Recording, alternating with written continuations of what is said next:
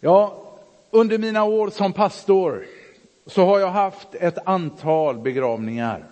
Oftast handlar det om gamla människor där kroppen inte längre orkat, där sjukdom har slagit till.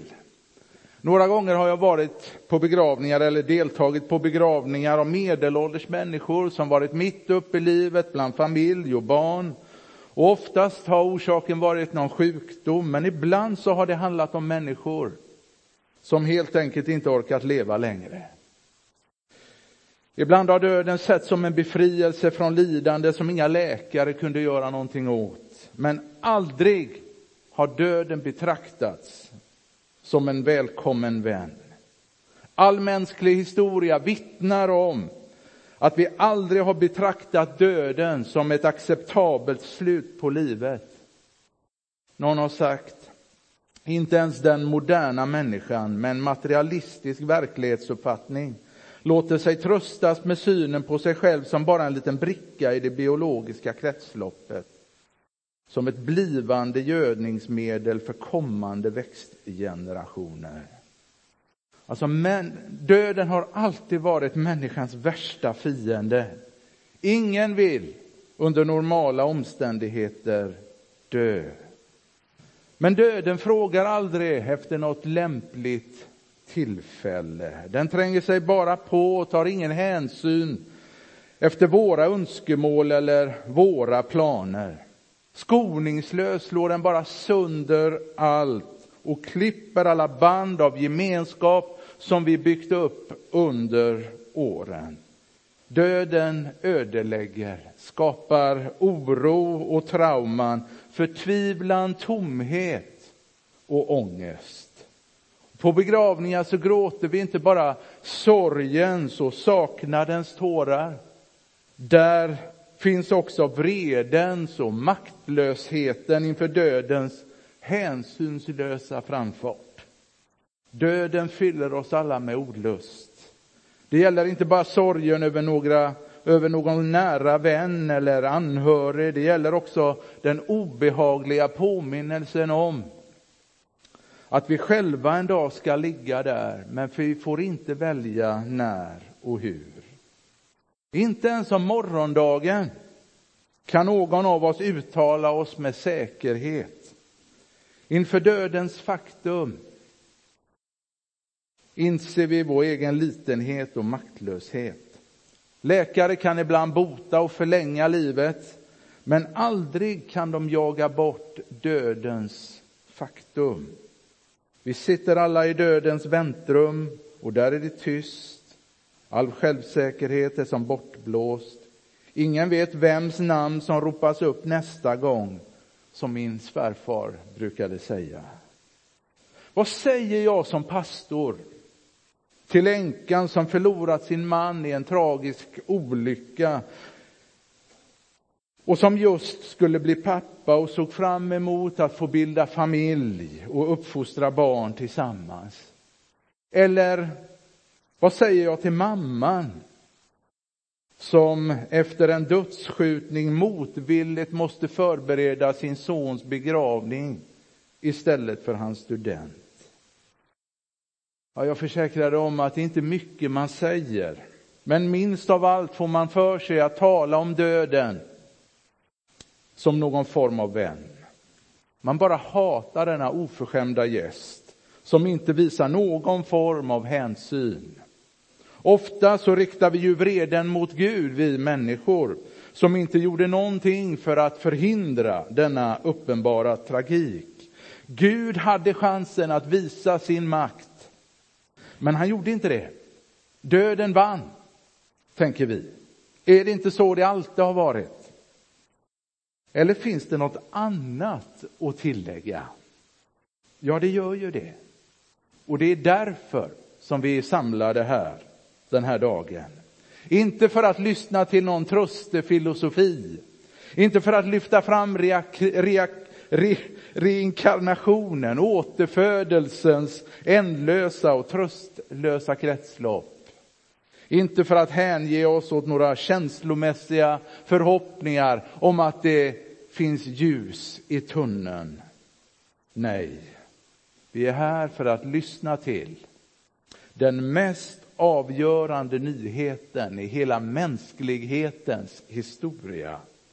Den nyheten lyder varför söker ni den levande ibland de döda? Han är inte här. Han har uppstått. Du hörde Ulrika läsa om några enkla kvinnor som hade stämt möte den där tredje dagens morgon. Och de hade just nått fram till den grav som de sett att deras mästare hade lagts i efter att ha blivit nedtagen från korset. De ville visa honom sin kärleksgärning och smörja och balsamera hans döda kropp. De visste inte då att världen aldrig mer skulle bli sig lik på grund av den oerhörda upptäckt som de snart skulle göra den där morgonen. De visste inte att de skulle bli de första att bevittna det som skulle förändra hela mänskligheten, ja, hela den nuvarande skapelsens villkor. Då var de ledsna. Sorgen var överväldigande. Deras mästare hade dött, övergivits av alla. Och nu var det slut. Döden hade inkasserat ännu ett offer. Inget kunde göras för att förändra detta dödens faktum, trodde de. Av någon anledning så är det Maria av Magdala som är den första som är på plats och det är hon som gör den stora upptäckten. Stenen är bortrullad. Det var som om någon totalt orädd hade brutit det romerska sigillet för graven som var förenad med dödsstraff. Lyft upp den två, tunga, två ton tunga gravstenen och lagt den åt sidan. Och där inne i graven där var det tomt. Överraskad, förskräckt och oroad så springer hon för att larma Petrus och Johannes. Flåsande får hon fram sin rapport och sin tolkning av det som hade hänt. De har tagit bort Herren från graven. Och vi vet inte var de har lagt honom. Men lärjungarna vill inte tro dem. Sluta tramsa, dösnack. Kanske var de rädda för att återigen vaggas in i falska förhoppningar. Men de kunde heller inte sitta kvar där bakom de lyckta dörrarna. Den otroliga nyheten om den tomma graven fick åtminstone Petrus och Johannes att lyfta på rumpan och springa mot graven. Och tusen tankar for genom deras huvuden. Vad var det som hade hänt? Hur kunde graven vara tom? Vad höll, vad höll vaktstyrkan till som hade fått i uppdrag att vakta graven i tre dagar? Och vem skulle vilja stjäla Jesu kropp och varför? Johannes, som troligtvis var den yngsta av de två, han kom fram till graven först och finner mycket riktigt den tunga gravstenen bortburen och lagd åt sidan. Men han vågar inte gå in, utan stannar utanför, lutar sig in i gravöppningen och så ser han linnedukarna som ligger där hopvikta. Och hör han Petrus flåsande bakom sig. Och ni vet att Petrus, han hade ju aldrig någon broms och han rusar rätt in. Och han får också se linnedukarna ligga där. Och handduken, eller huvudduken, hoprullad på, på ett ställe för sig och han står stum av förundran. Och kanske är det Petrus tystnad som till sist gör att också Johannes träder in i graven. Och han ser, han granskar och han tänker. Och alla ord är överflödiga. Något bortrövande av Jesu kropp, ja, det var det inte tal om. Om varför skulle svepningen ligga kvar där inne? Då skulle man väl tagit den med sig också, eller? Det var precis som om någon hade stigit ut ur dödens kläder och prydligt lagt dem åt sidan därför att de inte behövdes längre. Oerhörda tanke. Det fanns bara en slutsats att dra. Men det var som om den var för stor och för underbar för någon att uttala. Den tomma gravens tystnad talade sitt mäktiga språk till lärjungarna. Aldrig tidigare hade en dödens gravkammare andats livet. Här var platsen för världshistoriens största seger. Den mäktigaste av människans alla fiender var övervunnen. Döden själv hade tvingats släppa sin grepp om deras mästare. Och plötsligt står det alldeles klart för Johannes. Det var ju precis detta som Jesus själv hade talat om medan de vandrade tillsammans. Det som gamla testamentets böcker hade förutsagt. Och allt faller på plats och Johannes tror. Överväldigade av förundran och glädje så lämnar de den tomma graven. Och en stund senare så kommer Maria Magdala tillbaka. Och hon hade ju inte hört änglarnas segerförklaring, utan står där och gråter över någon som hon tror var bortrövad.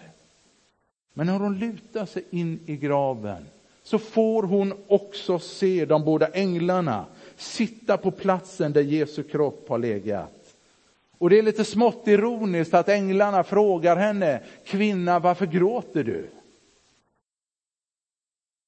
Maria förklarar sig, de har tagit min herre och jag vet inte var de har lagt honom. Änglarna behöver inte svara. Någon rör sig bakom Maria. Och hon vänder sig om och kan liksom inte genom sina tårögda, tårfyllda ögon se vem det är som närmar sig. Och den här mannen som närmar sig frågar, kvinna varför gråter du? Vem söker du efter? Och hon gissar att det är trädgårdsmästaren. Och hon svarar, Herre om det är du som har burit bort honom, så säg var du har lagt honom så att jag kan hämta honom. Och främlingen i morgonljuset svarar inte på hennes fråga, men nämner hennes namn med en sån stämma att hon hajar till. Den rösten gick inte att ta miste på.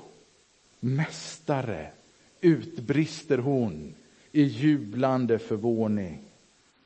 Aldrig någonsin förr eller senare har den djupaste sorg förvandlats till en sådan obeskrivlig glädje. Denna morgon då Jesus uppstod från de döda. Vilken dag det var. När Maria öppnade dörren till lärjungarnas sal så var hennes ansikte som förbytt. Den strålade. Tårarna och sorgen var som bortblåst. Hennes ögon lyste av glädje. Och hon ropade, jag har sett honom, jag har sett honom. Inom några århundrade eller årtionden, så hade hela romarriket nåtts utav uppståndelsebudskapets glada budskap. Lärjungarnas förlamning av rädsla hade förbytts mot flammande eld och frimodigt vittnande. Kristna fortsatte att begrava sina döda, men de gjorde det inte med samma hopplöshet som förut. Många har försökt att dödförklara Jesus, men ingen har lyckats tysta den tomma gravens mäktiga predikan. Den franska filosofen Voltaire lär vid ett tillfälle ha sagt, och han samtalade med en grupp skeptiker, varav han själv var den främste. Mina herrar, det skulle vara enkelt att starta en ny religion som kunde konkurrera med kristendomen. Allt som grundaren skulle behöva göra vore att dö och sedan uppstå igen. Voltaire hade rätt. Jesu uppståndelse är nyckeln till den kristna tron. Utan en uppstånden Jesus så skulle lärjungarna vara fortsatt gömda och med tiden återvänt tillbaka till fisket. Men Jesu tomma grav förändrar hela mänsklighetens villkor. Hör du vad den tomma graven säger? Det finns en som har brutit dödens bojor. Genom Jesu uppståndelse så har vi försäkran om syndernas förlåtelse. Alltså syndens lön läser vi i Romarbrevet var döden. Om graven hade behållit Kristus, hur skulle vi då vara säkra på att Jesus hade besegrat synden? Utan en tom grav har korset ingenting att erbjuda. Vi kan ta ner det från väggen. Men nu hänger där ett tomt kors eftersom också graven är tom. Om inte Kristus har uppstått så finns det ingen grund att säga till dig att dina synder är dig förlåtna. Men Kristi tomma grav försäkrar dig om att det finns kraft till frälsning. Genom Jesu uppståndelse har vi försäkran om rättfärdiggörelse och evigt liv. Det står i Romarbrevet 8. Vem kan anklaga Guds utvalda? Gud är den som frikänner. Wow. Vem är den som fördömer? Kristus, Jesus, är den som har dött. Ja, än mer. Den som blivit uppväckt och som sitter på Guds högra sida och vädjar för oss. Halleluja. Genom Jesu uppståndelse så har vi försäkran om en kommande uppståndelse också för våra egna dödliga kroppar. Vi läser i Korinthierbrevet om att Jesus är förstlingen. Vad betyder det? Jo, det betyder, och det användes på Bibelns tid, ordet förstlingen alltså, om åkens första grödor som man offrade till Herren. Det var en glädjens dag som betydde att någonting ännu större var på väg. När Jesus uppstod från de döda, då var det Guds sätt att säga en vacker dag ska alla mina barn uppstå från de döda. Inget enda av dem ska lämnas kvar i sina gravar, utan var och en ska uppstå till evigt liv. Wow. Alltså uppståndelsekraften som bor i oss förhindrar döden från att få sista ordet i våra liv.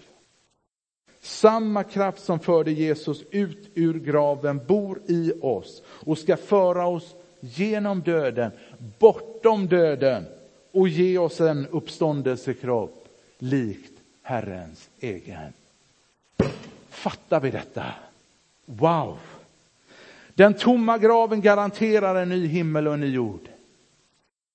Alltså tack vare Jesu uppståndelse så sjunger hela skapelsen hoppets sång. För den vet att i Kristi seger på påskdagen ryms också den framtida frigörelsen från förgängelsen. Nu när våren kommer och det spirar, det är som man nästan hör att den tar i, den sjunger för oss. En dag, en dag ska vi uppleva evig vår. Den tomma graven garanterar en ny himmel och en ny jord. Kristus har dött, skriver Paulus, och fått liv igen för att vara Herre över både levande och döda. Är det så konstigt att Paulus utbrister? Jag vill lära känna Kristus och kraften från hans uppståndelse. Den tycks ju liksom vara beredd och redo att kunna göra precis vad som helst. Samme Kristus säger, jag var död och se jag lever i evigheters evighet. Och därför ropar också den tomma graven segerstolt, du död, var är din seger? Det var för att ge dig och mig evigt liv och ett hem hos Gud som Kristus, Guds son, kom in i historien. Och när påskmorgonen gryr och Jesu grav gapar segrande tom så betyder det att döden är besegrad och det eviga livets gåva är garanterad för var och en som tror. De som bekänner sig till livets Herre bekänner sig samtidigt som gäster och främlingar i den här världen. Vi är inte bara här tillfälligt. Vi har ett hem som väntar. Vi må vara svenska medborgare, Men vi är ändå främlingar i den här världen. För vi vet att vi har ett annat hemland och vi är på väg dit. Vi är pilgrimer. En dag ska vi flytta hem till Herren. Vilken dag! Vilken dag! Paulus skriver om detta. Men vi har vårt medborgarskap i himlen och därifrån väntar vi Herren Jesus Kristus som frälsare. Han ska förvandla vår bräckliga kropp och göra den lik hans härlighetskropp. För han har makt att lägga allt under sig. Får jag fråga, hör du den tomma gravens mäktiga och segerstolta språk? Frågan är inte om andra med mig tror på Jesu uppståndelse. Frågan är om du gör det. Och idag kan du få säga ja till honom som är starkare än synd och död. Jesus, livet, ska vi be. Jesus Kristus. Vilken triumf, vilken seger. Vilken förkrossande seger. Herre, vi tackar dig. Vi tackar dig för det tomma korsets glädje som vi har fått påminna oss om den här helgen. Och så idag, precis som Ulrika sa inledningsvis, den tomma graven, ja hela dagen, ja hela livet. Ja Herre, vi tackar dig för detta. Tack att vi har detta som hopp, Herre. Att vi får hålla det högt, Herre.